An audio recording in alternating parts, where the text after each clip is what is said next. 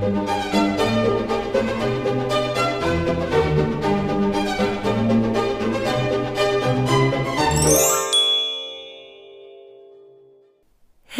och välkomna till Kungligt! Med Jenny Alexandersson. Och Sara Eriksson.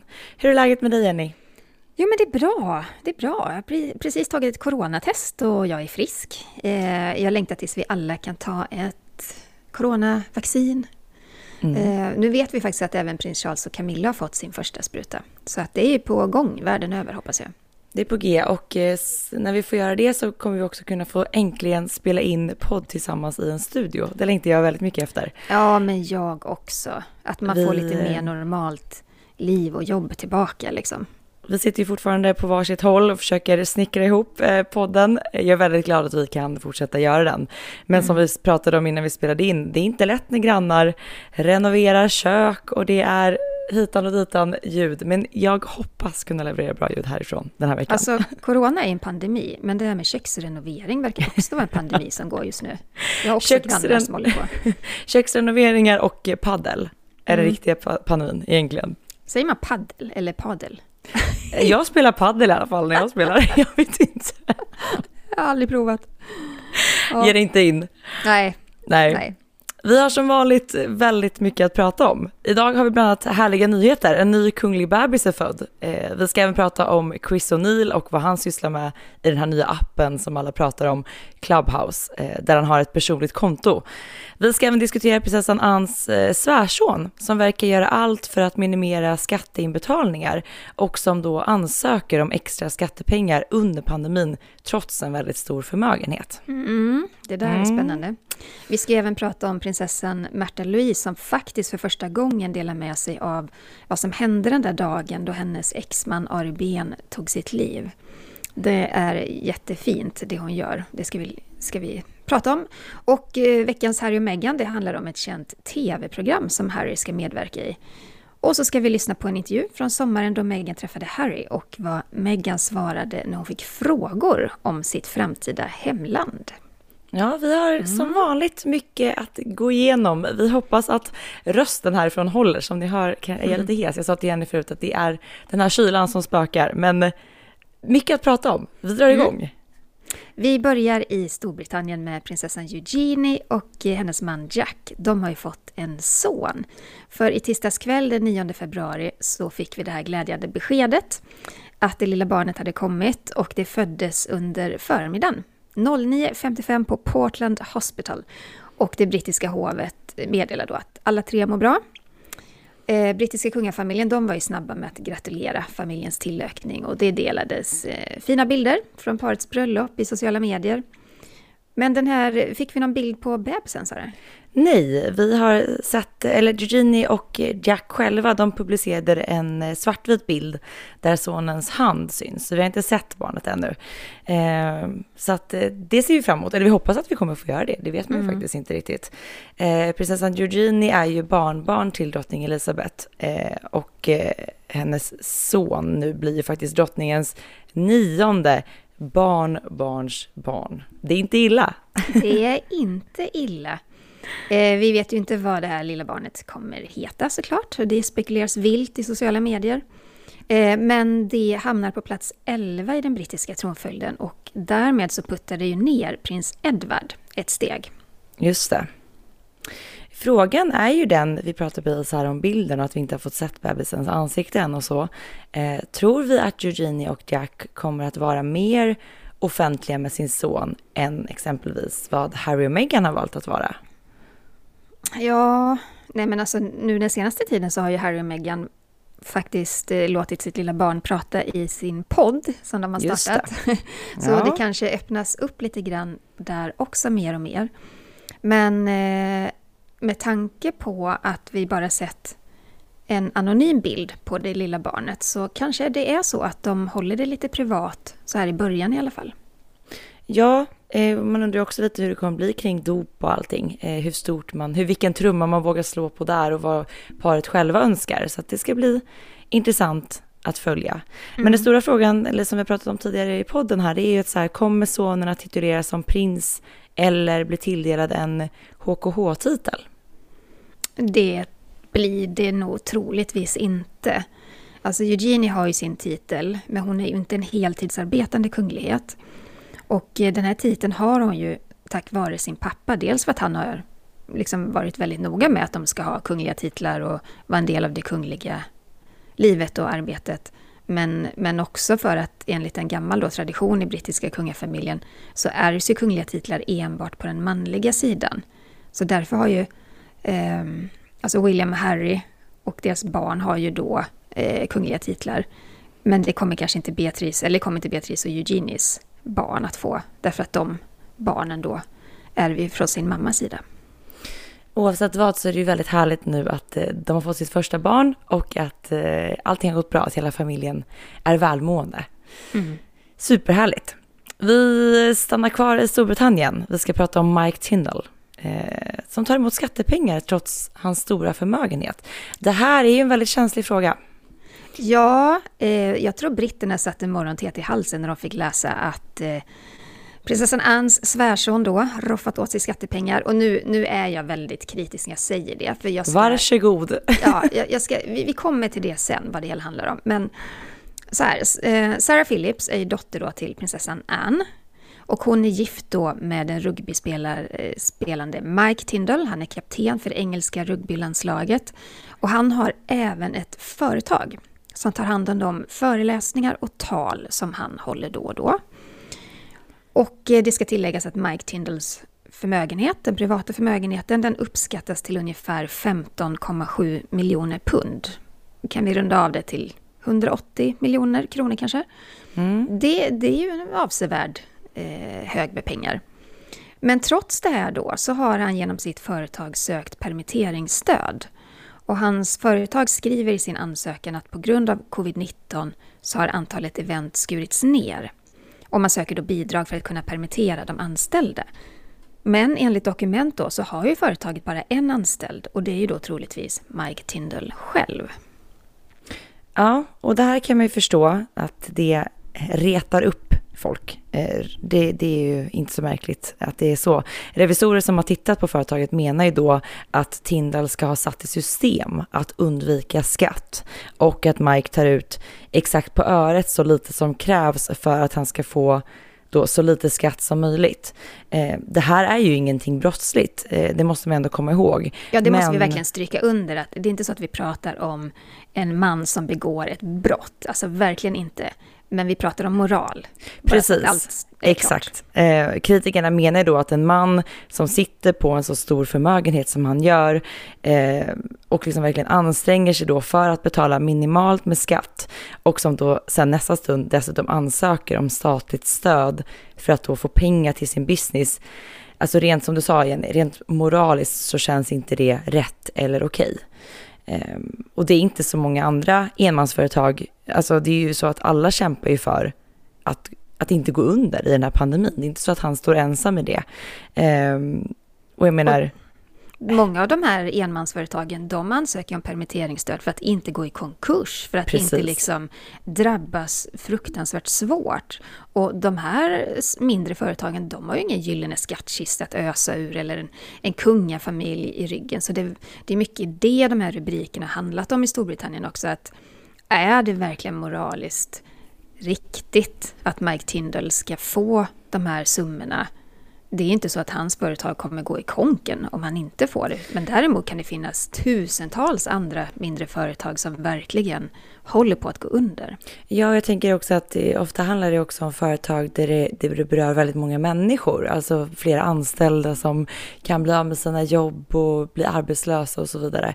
Här har vi en man eh, som driver företaget själv. Det handlar bara om honom och som du säger Jenny, det finns ju pengar att tillgå. Mm. Det är inte så att han står på bar backe utan tak över huvudet. Eh, Verkligen och jag inte. förstår inte hur man tänker när man befinner sig i den positionen som Mike gör. Återigen, han har inte begått någonting brottsligt. Men som medlem, eller han är inte medlem av det brittiska kungahuset, men han utgör ändå en del av familjen, så vet man att man är konstant granskad, man blir ifrågasatt, så varför inte bara spela med, med säkra och öppna kort? Jag förstår mm. inte riktigt det där. Nej, och det ska tilläggas också att en talesperson för Mike Tindall säger att eh, Tindall inte personligen blivit permitterad, men de vill inte kommentera det hela mer än så. Och då har de också, de har ju fått möjlighet då att, att liksom kommentera skriverier och påståenden och det vill de då inte. Så. Så var det med det. Eh, mm. Märklig grej. Det känns som att det är någonting som vi kanske kommer återkomma till. Det känns inte riktigt som att rubrikerna är klara där. Nej, det kommer nog mer. Kommer Men eh, vi ska gå över till något annat som är lite mer eh, roligt faktiskt. Eh, det har varit otroligt mycket prat och skriverier och rapportering om den här nya appen Clubhouse. Den har verkligen slagit ner som en bomb, inte minst i Sverige nu senaste veckorna när allt fler blir medlemmar. Som att vi inte hade nog med appar känner jag Jenny. Vad tycker du? Nej, men jag gick med och jag vet ja, inte. Du är med? Ja, jag, jag, är inte jätteimponerad. Det är liksom en plattform som är röstbaserad. Och eh, vill, du ha en, vill du ha en inbjudan förresten så kan du få en av mig. Du kommer Vi bli kanske besviken. borde köra något så här, skulle inte du och jag kunna ha ett kungligt eh, clubhouse-rum? Slog du med nu? Det kör vi, det testar vi. Jag skickar en inbjudan till dig snabbt. Om ni Men, som eh, lyssnar på podden tycker att det vore en bra idé så kan ni ju gärna skriva till oss så kanske vi kan styra ihop någonting roligt. Ja, men ja. i alla fall, de som är medlemmar i appen, de samlas i olika öppna eller stängda rum. Och då kan man antingen välja att delta i ett samtal eller enbart lyssna då på det här samtalet. Så det är lite som en livesänd podd där lyssnarna kan delta. Och vi har ju sett då att kändisar från hela världen har anslutit sig till appen. Och en av de här, det är prinsessan Madeleines man, Chris O'Neill. Mm -hmm. Och jag tycker det är jättekul att se vilka han följer och därmed kan delta i samtal med. Så det är alltså så om man, om man har en profil på det här Clubhouse då kan man se vilk, vilka den här personen följer? Ja, Alltid. Precis. Det är liksom det som är grejen. Så man kan gå in på Chris profil och se exakt vilka han då kan delta i samtal med. Ja, och det är en spännande lista och du har ju sett den också Sara, för att eh, ja, man kan ju se att till exempel han följer en massa redaktörer, konstkännare, mäklare, reklammakare och entreprenörer. Och det fattar jag absolut, för det går ju hand i hand med vad Chris jobbar med och vad han är intresserad av. Till exempel så, så följer han Johan Lundberg som grundade Paytech International. Och det är ju kopplat till Chris jobb som ju också jobbar med betalningslösningar. Just det. Men han följer också lite spännande människor som nattklubbskungen Ronnie Madra som grundade den här nattklubben Ten Oak. Jag har varit på den i New York och det är en fantastiskt jättehärlig nattklubb, i alla fall då på den tiden när jag, när jag var så ung att jag kunde hänga på dansgolvet. Jenny, dansgolvet finns kvar. Det finns kvar. Nu är man småbarnsmorsa istället. Men hur som helst då, Chris har ju en bakgrund som lite party animal. Så att jag fattar att han, att han följer den här nattklubbskungen. Men Sara, vilka mer har vi som han följer? Nej men det är många namn här. Jag har som sagt var inte själv skaffat Clubhouse, men jag har ju tagit del av den här listan på vilka som Chris följer.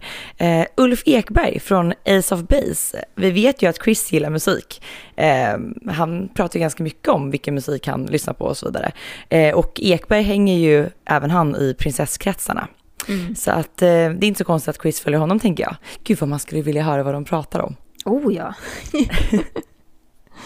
ja, men det är flera namn. Eh, Elon, eh, Elon Musk, eh, superentreprenör, passar ju också såklart quiz. De har säkert mycket att dela, erfarenheter, jobb mm. och så vidare. Eh, Erik Wachtmeister, entreprenör och finansman, eh, startade bland annat A Small World, ett eh, nätverk som faktiskt liknade då Facebook, men för då mer personer inom eliten.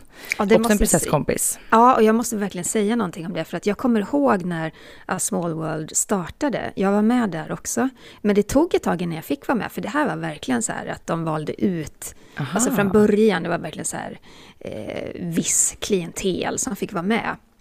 Men när var det i år? Alltså vilket år ja, ungefär? Gud, det måste ju ha varit på, var det sent, eh, i början på Ah, Tänker, känns som Facebook var typ så 2005 eller något kanske? 2004. Ja, det här kom ju innan, så Aha, kanske början okay. på 2000-talet. Men Madeleine, prinsessa Madeleine var ju med, så hennes eh, profil kunde man gå in på och se och titta på. Det gjorde jag ju såklart. Och så kunde jag se vilka hon följde och vad hon höll på med. Och hon hade skrivit ett CV som var ganska så här Coolt också, hon höll väl på med coola grejer redan då, som såg snyggt ut på ett CV. Men, eh, och då kunde man följa liksom, eh, ja men allt från Emma Pernald och, ja men alltså alla hennes närmsta kompisar och så här, så det var ju spännande. Men jag, visst, Emma är också med nu på quiz, den här um, appen. Visst är det så? Ja, för att Chris han följer då även på Clubhouse eh, prinsesskompisar som Jan Dinkelspiel, Kristoffer Albom, Emma Pernald, eh, Madeleines kusin Gustav Magnusson. Men en sak som verkligen förvånade mig, Sara, det är uh -huh. att det var en väldigt speciell person som han eh, följer på Clubhouse. Och jag ska se om jag kan uttala hennes namn rätt. Rachel Yukitel. Jag hoppas jag säger rätt nu. Eh, men den här Rachel är alltså Tiger Woods älskarinna. Kommer du ihåg alla de här rubrikerna som var för många år sedan? Yes. När han och Elin Nordengren, eh, eh visst hette hon så? Ja, precis. Ja. Gick de, skilda vägar. De gick skilda vägar. Ja. vägar. De har väl skilda världar också, antar jag. Men, jag tror det. Men eh, Rachel var då Tiger Woods älskarinna. Eh, hon var väldigt, eh, vad säger man, liksom outspoken. Alltså hon, hon pratade väl med, i medierna också och eh, Ehm, hon syntes väldigt mycket i många tv-program och sånt efteråt. Så att hon, kanske var det så att hon lite grann hamnade i strålkastarljuset på grund av Tiger Woods och så, så stannade hon kvar där. Men hon har även drivit en butik för barnkläder i New York och och så har hon haft en massa olika tv-uppdrag. Så hon är ju verkligen, nu är hon ju känd i sig själv liksom. Jag tror hon hade en bakgrund som någon sån här nattklubbsägare eh, eller värdinna eller någonting också. Men just nu då så medverkar hon i en dokumentär om Tiger Woods. Och hon säger själv att hon medverkar för att hon vill också tvätta bort den här stämpeln av sig själv som enbart hans älskarinna. Och det, det fattar jag absolut att hon vill. Eh, och man kan se också på hennes sociala medier att hon verkar vistas en del i Palm Beach där Madeleine och eh, Chris bor. Så hon kanske är en del av deras umgängeskrets. Eller mm. så följer han henne för att hon är en spännande person helt enkelt.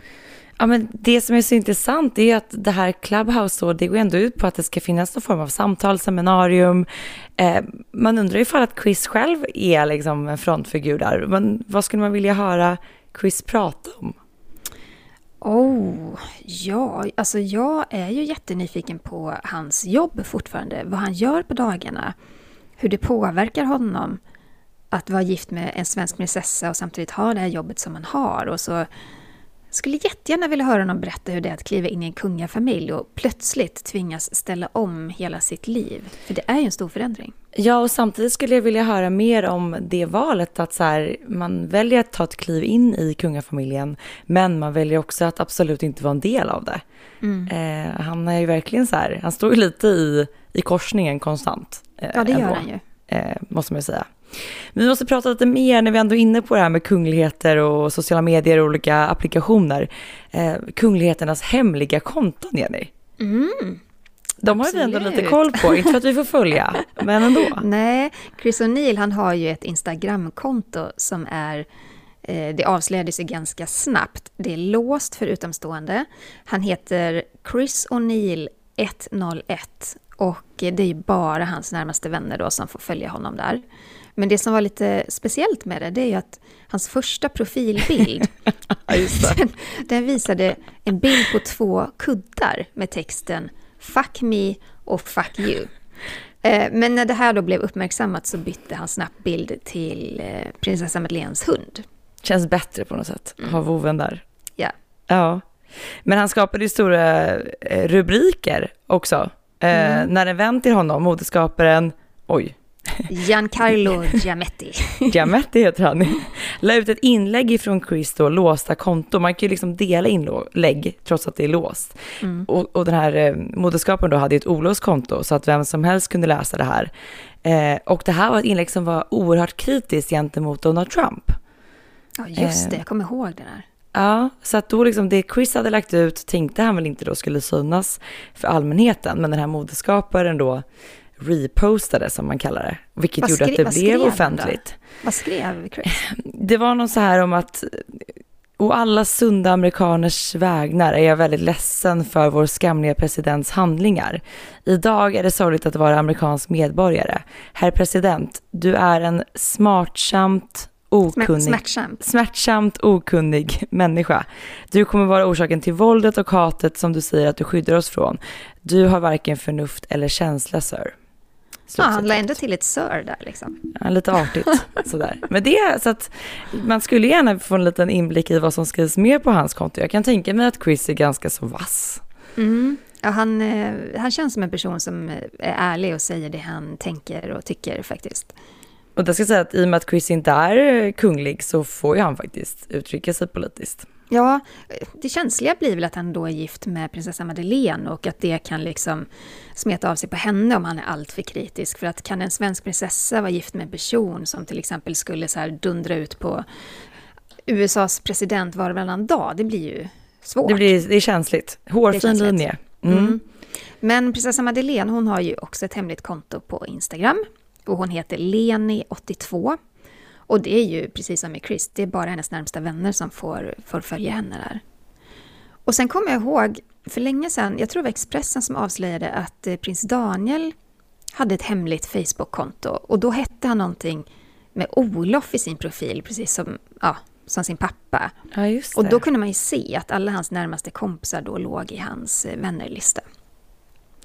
Ja, nej, det är spännande det här. Prins Harry har ju faktiskt också ett hemligt konto på Instagram.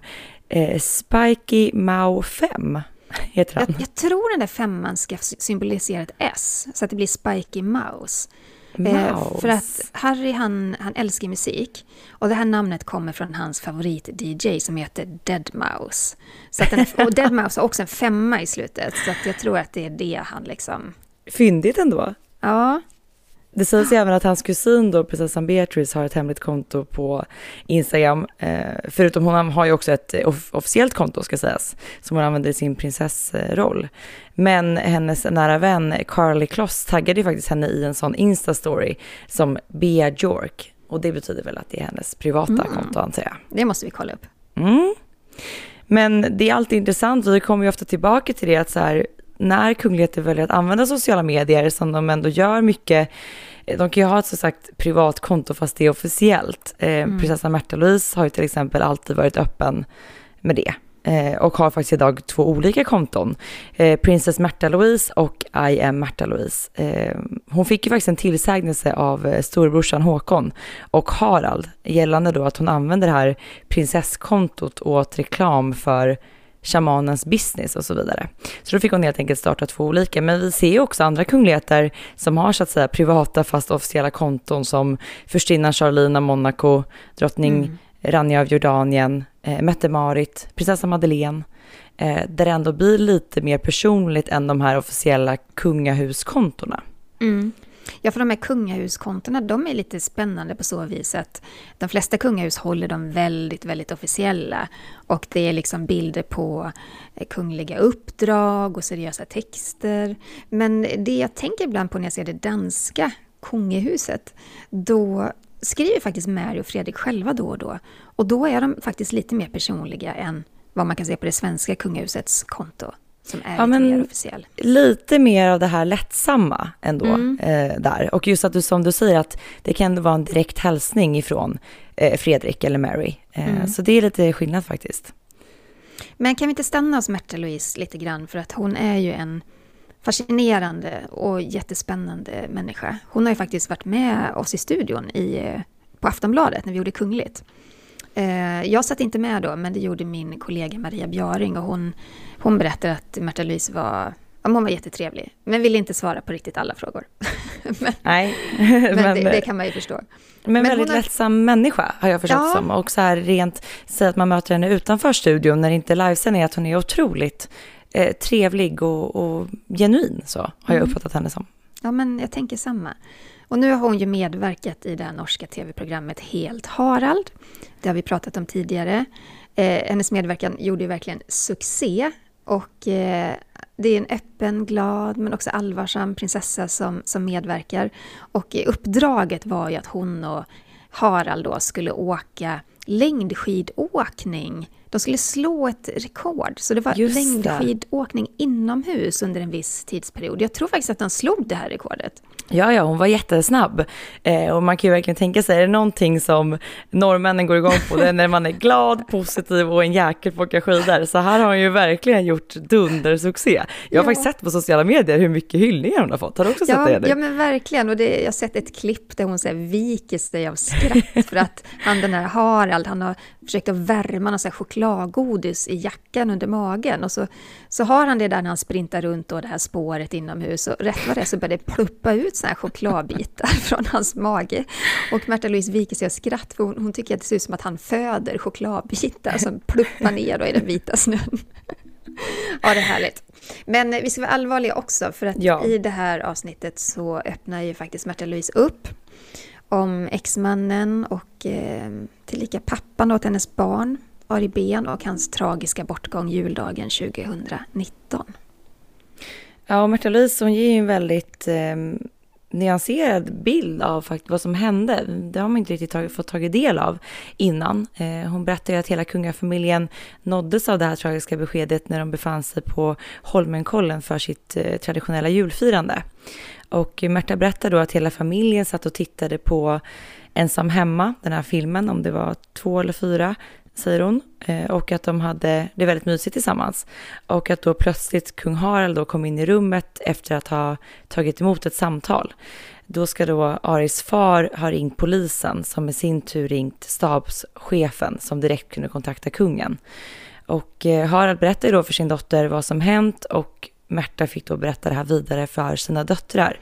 Och- Jag får ont i magen när jag, när jag hör det. Alltså. Så, så vidrigt att få det där beskedet. Fruktansvärt. Och Märta bryter ju ihop i den här intervjun såklart och eh, berättar just att det här är det värsta hon har gjort i hela sitt liv, att behöva ta det här samtalet med sina tre döttrar.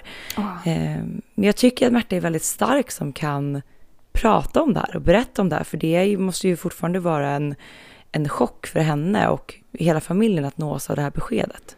Ja, men det går inte ens att sätta sig in i. Det är ändå, även om hon inte lev, levde med Ari Ben längre, hon hade en ny kärlek, så det spelar ingen roll, för det är liksom pappan till hennes tre barn. Och att ens uppleva, dels så sörjer hon ju själv, en människa som har funnits länge i hennes liv, men, men hon sörjer ju också tillsammans med, med, med liksom barnen som förlorat sin far. Och det, det är ett livs, en livslång sorg. Mm. Och Märta, hon, i det här avsnittet så pratar hon ju också mycket om sina döttrar då, Maud Angelica, Lea Isadora och Emma Talula. Och det de gjorde efter det här beskedet var att de har ju tillbringat jättemycket tid tillsammans för att läka. Och eh, så, så nämner också Märta Louise att eh, hennes pojkvän, Derek Verrett, shamanen, har betytt eh, väldigt mycket för henne i den här sorgen. Ja, och eh, det har man ju faktiskt förstått. Hon har ju öppnat lite den dörren tidigare att berätta att det kanske blev lite lättare för han då att komma utifrån och kanske mer vara den lugna och sansade i det hela. Det är det hon har sagt tidigare. Hon säger även det i den här intervjun. Eh, och att det blev ett väldigt bra stöd för henne och även faktiskt för döttrarna. Och sen Men- pratar de om att eventuellt flytta till USA också. För hon får ju den frågan ifrån Harald. Ja, precis. Märta får ju frågan om då Direct kommer att flytta till Norge, för det har de ju öppnat lite om tidigare. Eh, men där, liksom hela den här grejen kring hans verksamhet och alla skriverier om honom har fått eh, Direct tydligen att ändra sig lite. Eh, han ska ju tydligen ha, liksom, ha uttryckt en längtan efter att flytta till Märtas hemland. Men nu verkar det faktiskt snarare som att prinsessan kan tänka sig ett liv i USA. Eh, hon svarar faktiskt här, citat, eh, det kan vara så att vi hamnar där så småningom, när hon fick den här frågan, och ifall hon skulle kunna tänka sig att bo där. Eh, men, sen jag tycker pratar- att, ja Mm. förlåt. Nej, men sen pratar hon ju också mycket om hur det var när hon och Derek träffades och det tycker jag var jätteintressant för att man har ju vetat att de träffades via en gemensam vän men inte riktigt vad hon tänkte och kände och vi, vi kan väl lyssna lite grann på det när hon berättar om sitt första intryck av Derek Verrett. Det var gjennom en eh, felles venninne av meg i eh, LA. Altså, jeg er litt skeptisk til, det er, og det er kanskje litt dumt av meg å si, men jeg blir litt skeptisk til sånne spirituelle mennesker. og det skulle du kanskje ikke tro. Det er veldig gøy at du og alle blir skeptiske til sånne spirituelle mennesker. Ja, fordi det er, det er eh, akkurat som i alle annen eh, ting man holder på med, da, så er det folk som eh, faktisk kan faget sitt, og så er det folk som sier de er kjempespirituelle, og som absolutt ikke har jobbet med seg selv i det hele tatt. Ehm, jo, og så ble vi jo bedre kjent da, etter hvert, og det er jo nå to, to år siden og litt vi traff hverandre. Um, og det har jo vært eh, veldig hyggelig, og det syns jeg er fantastisk med å, å kjenne han og være sammen med han, er at han godtar hele meg. Uh, og at jeg kan være så kjip som bare det og få fram alle de kjipe sidene. Og at han er der sånn ordentlig til stede. Ja, men det, är, det här jag gillar med Märta. Hon kan prata om eh, sorgliga saker, hon kan prata om tunga ämnen. Hon är alltid sig själv och har väldigt liksom, nära till alla känslor och bjuder också mycket på det. Jag tror det Ja. betyder väldigt mycket för, för många. Och sen är det så roligt att hon säger det här att hon var lite skeptisk till en början för att han var så spirituell. Och det är hon ju själv väldigt spirituell. Ja, att, eh, verkligen. Men hon, eh, det har jag också, tycker jag, ser lite i henne också, att hon är ju lite, kanske till en början avvaktande till nya människor och nya bekantskaper. Och det, det kan ju vara bra också, faktiskt. Men vad tror du det beror på då att Märta just nu öppnar upp om alla de här mycket privata och personliga och också ledsamma upplevelserna som hon har varit igenom? Nej, men nu har det ju gått en tid och hon har ju hunnit smälta det här fruktansvärda och hon har hunnit sörja. Men som sagt, det är en livslång sorg. Så att det här eh, det kommer ju påverka henne och döttrarna resten av livet. Och det är därför jag tycker att det är så oerhört starkt och fint gjort att prata om det. Och jag tycker det är genomgående varit så med norska kungafamiljen och också familjen kring Ari Ben att de bestämde sig tidigt för att vara öppna med att det var ett självmord, att, eh, ja, att, att visa sorg. Det, det blev ju också en, en officiell begravning kan man ju säga, som var tv-sänd och sådär. Eh, jag tycker det är fint, för jag tror att det kan hjälpa väldigt mycket. Verkligen, och där tänker jag också på dottern, framförallt Maud då, eh, som har varit väldigt pushande i att hon har också det här helt otroliga talet eh, vid sin pappas begravning, där hon har varit tryckt på väldigt mycket om att vi måste prata mer om psykisk ohälsa. Vi måste våga prata om att det finns folk överallt hela tiden som väljer att ta sitt liv. Varför händer det här? Hur kan vi jobba för att förebygga? Vi måste våga prata om att det är okej att inte må bra. Så att jag tror också att Märta Louise i att hon vågar öppna upp. Jag tror också att hon har mycket sina döttrars stöd i att få prata om deras pappa på det här sättet. Just för att döttrarna själva tycker också att det är väldigt viktigt att man gör det. Det är fint. Mm. Men jag vill, jag vill bara göra en liten notering kring eh, att Märta Louise deltagande då i programmet eh, Hela Harald. Jag tycker det är härligt att hon är med. Och jag tycker det är bra. Jag tycker att man, det är roligt att se henne i en helt annan situation. Men det jag hickade till lite inför, nu när vi ändå liksom har pratat om kungligheter och sociala medier, det är faktiskt den här trenden att kungligheter sakta men säkert rör sig åt ett håll som tidigare var enbart influencers och, och, och bloggare som sysslade med det. För eh, Märta Louise hon, hon eh, uppdaterar sitt Instagramkonto med, eh, ja, med snuttar från Hela Harald-avsnittet och eh, hon berättar liksom om sin medverkan i programmet och det, det är fint så. Men så swishar det förbi en story som är reklam för den jacka då som Märta har på sig i programmet. Och så har hon annonsmärkt den här storyn. Så att det är inte heller någon slump att hon liksom gör reklam för den här jackan. Men jag blir ändå förvånad för att det är fortfarande så att okej, hon har ingen hennes kungliga höghetstitel. Eh, hon eh, är självständig och står utanför kungahuset så, men hon är en del av den kungliga familjen. Är det okej att hon gör reklam för kläder och, och prylar? Äh, det där är ju hela tiden, eh, det är som sagt också en ny mark. Eh, det här är liksom inte ett problem man har haft inom kungahusen tidigare. Eh, men idag är det det. Och så här, vad känns rätt och vad känns inte rätt? Nej, men för jag tänker att precis som med Harry och Meghan så råder det ingen tvekan om att de här människorna får eh, eh, bli liksom överlastade med spons och reklam och det ena med det andra för att de här människorna är jätteattraktiva som reklampelare på grund av sin kungliga status. Mm. Men ska en kunglighet pyssla med sånt, då är man ju inte oberoende längre, tänker jag. Och samtidigt, Nej. å andra sidan då, Märta Louise är ju fri att, att ha sin business och hon är fri att tjäna pengar. Så att det är, det är en svår fråga tycker jag. Och där är det väl kanske lite ändå inne som Harry och Meghan, att så här, då kanske man får välja lite mer klart vilket mm. ben man vill stå på. Då kanske det här prinsessbiten ska bort helt och hållet och inte bara användas lite när man tycker att det passar. Ja, det, det, är ju det, det är ju dit man får komma då till slut. Det är där den sista frågan ställs liksom. Ja. Men det verkar ja, som, att, det verkar som att folk reagerar så mycket på det, men det kommer nog komma mer i framtiden, tänker jag. Att man måste ha en diskussion kring det. Det tror jag.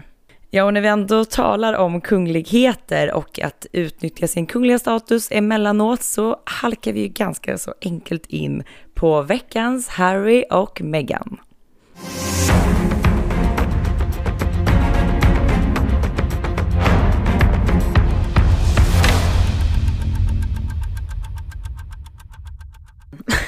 Det är ju vår fantastiska producent eh, Jenny, Jenny som har gjort den. Den är så dramatisk. Det känns lite så här, eh, vem vill bli miljonär, miljonkronorsfrågan på något sätt. Mm. Mm. Men veckans eh, Harry och Meghan handlar såklart om det här paret som flyttat till Los Angeles. Harry ska nämligen vara med i en TV-show. Och ett återkommande tema när det gäller det här paret är ju deras dubbla signaler hela, hela tiden. De valde att ta ett kliv tillbaka från den kungliga världen då de tyckte att den ökade mediala bevakningen var för tuff och jobbig. Och jobbig. Men så bosätter de sig i världens mest paparazzi-täta stad, Los Angeles. Och därefter har vi då sett hur Harry och Meghan signar monsterdealar med olika stora mediebolag för att tjäna pengar. Och det är inga småsummor vi pratar om.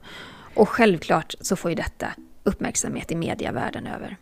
Ja, och nu är det tydligen dags igen för att tidigare i veckan så läcktes en bild ut då från en hemlig tv-inspelning som Harry ska ha deltagit i. Eh, Harry var då omgiven av ett stort filmteam som befann sig på en så här dubbeldäckare mitt i Hollywood. Jag kände så här, kanske inte så konstigt att det blev uppmärksammat och fotat. Det var nog inte så jättediskret kan man tänka sig. Och eh, med på den här bussen då så fanns även James Corden som är programledare för amerikanska The Late Late Show. Och eh, James är även programledare för det här Carpool Karaoke, där då kändisar sjunger karaoke från bilar. Är det det vi kommer se prinsen göra nu, fast från en buss? Vad är det som pågår? Nej, alltså där går det nog, där går en gräns, hoppas jag, verkligen. Eh, är du så säker på det, Jenny? Eh, jag hopp, nej, men alltså nej, jag kan inte se Harry sitta och sjunga med i någon låt. Nej, nej, men det, nej jag hoppas inte det. Men, om men om det... det blir så, då vet vi vad vi klipper in. Men ska liksom det här par, ska Harry och Meghan liksom bli... Ska de liksom bli ett par som håller på med så här talkshows och det? Alltså jag vet inte, det känns inte, det känns inte helt okej. Okay. Nej men det känns som det är lite där dit dubbeldäckaren är på väg så att säga. Det är eh, dit den är på väg. Mm. men nu känner man ju också att så här, drottning Elizabeth, det är dags att klargöra situationen med Sussex-paret. Eh, det är fortfarande knäpptyst från brittiska hovet trots prövåret är slut eh, enorma påtryckningar gällande parets kungliga status och det blir mer och mer ifrågasatt.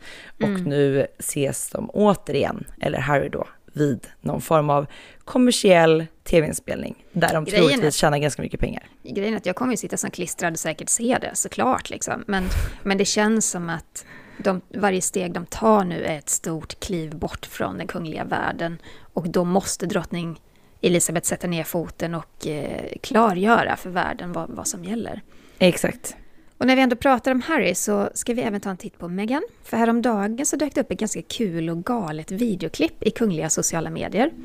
Och det är Meghan som medverkar i den brittiska komedikanalen Dave.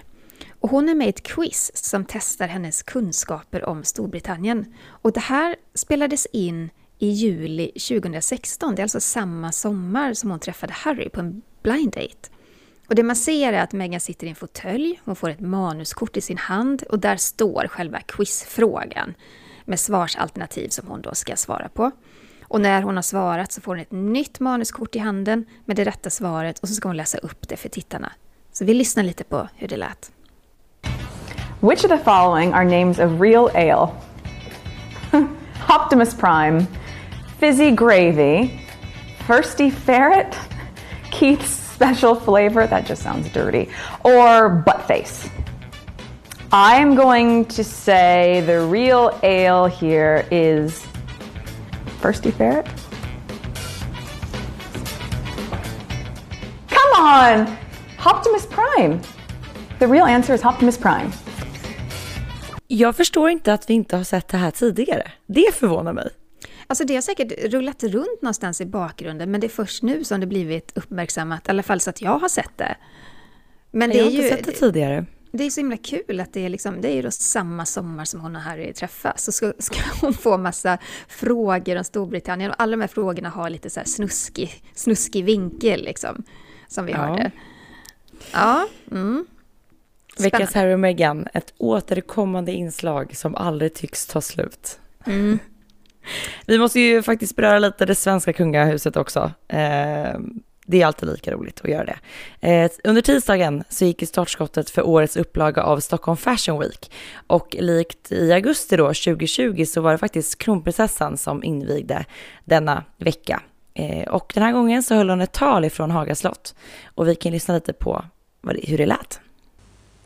A fashion industry where people from different backgrounds can be seen on catwalks and in campaigns, but also in the management teams. A fashion industry where there's room for all sizes. A fashion industry that liberates rather than limits. Alltså jag älskar verkligen hennes punchline. Diversity is not a fashion trend, it is what we are. Alltså mångfald är ingen modetrend, det är vad vi är. Jag tycker det är helt fantastiskt. För Victoria pratar ju väldigt mycket om att modeindustrin ska vara inkluderande, både vad gäller former, storlekar och färger. Och det är ju det här som hon gör så himla bra. Att hon kan hon är ingen kronprinsessa som ställer sig och klipper ett band och ler vackert, utan hon är en kronprinsessa som har ett budskap i det hon gör. Mm. Varje, varje gång. Och det är det jag gillar med henne faktiskt. Ja, hon är fantastisk och jag tycker också att det är, jag tror att det betyder väldigt mycket för svensk modeindustri att kronprinsessan eh, åter inviger den här Fashion Week som såklart likt allting annat påverkas enormt av pandemin. Eh, och om man får prata om lite ytliga ting så tycker jag också att kronprinsessan alltid lyckas klä sig på pricken eh, för tillfällena. Hon var ju så fashionabel vid den här invigningen. Ja, verkligen. Och sen har hon också ibland ett budskap med sina kläder. Eh, pratar hon på en miljökonferens, banne mig så har hon någon, någon återanvänd klänning från sin mammas garderob från 70-talet eller liknande. Och det, det är smart gjort av henne. Helt rätt. Eh, det går fort som vanligt när vi poddar, eh, men vi ska väl hinna med någon lyssnarfråga den här veckan. Eh, skicka gärna in fler frågor till oss på kungligt.aftonbladet.se. Maria har skickat in en fråga. Hon undrar så här. Eh, Hej och tack för en bra podcast. Jag gillar verkligen att lyssna på er podd och jag tycker att ni pratar och resonerar på ett neutralt sätt. Men om ni får tillsätta några känslor, vilka eller vem av kungligheterna ser ni allra mest upp till? Oj, det där är ju svårt. Jag försöker alltid hålla mig neutral eftersom mitt jobb är att rapportera om kungligheter. Men, men, men självklart så kan jag sätta känslor på detta nu. Det, det kan jag göra. Eh, Kom igen. Nej, jag tycker ju att eh, drottning Margrethe är fantastisk i sitt självförtroende som dansk drottning. Hon går sin egen väg, hon odlar sina kulturella intressen utan att tappa fokus på jobbet som statschef. Alltså hon, hon håller på med så mycket. Hon skapar scenkläder och målar tavlor. Hon röker som en borstbindare. Hon säger det vad hon hon. vill och hon står för det och det gillar jag. Men jag tycker även att vår egen drottning Silvia mm, får lite för lite cred för det jobb som hon gör för barn som drabbats av trafficking och övergrepp. Och jag tycker, alltså de åren, det är ju snart ja, men 18-19 år, alltså jag, som jag följt henne, jag tycker även att hon har varit en viktig diplomat mellan kungen och omvärlden, om man kan säga så. Mm. Om jag ser kungen som den dynamiska motorn och så ser jag drottningen som den viktiga diplomaten och den insatsen är inte liten. Men sen, eh, sen tycker jag att prins Bertil som offrade offentlig kärlek och barn för att vara- lojal mot kronan, det är ju ett livslångt och tufft beslut och det ligger inte så jättelångt tillbaka i tiden. Eh, det är också liksom en insats som är värd att lyfta. Men tittar man på dagens kungafamilj, då skulle jag nog vilja säga att eh, kronprinsessan Victorias lojalitet, engagemang, att hon har siktet inställt på plikt och hårt arbete, det är nog troligtvis svenska monarkins räddning och hon gör det jäkligt bra.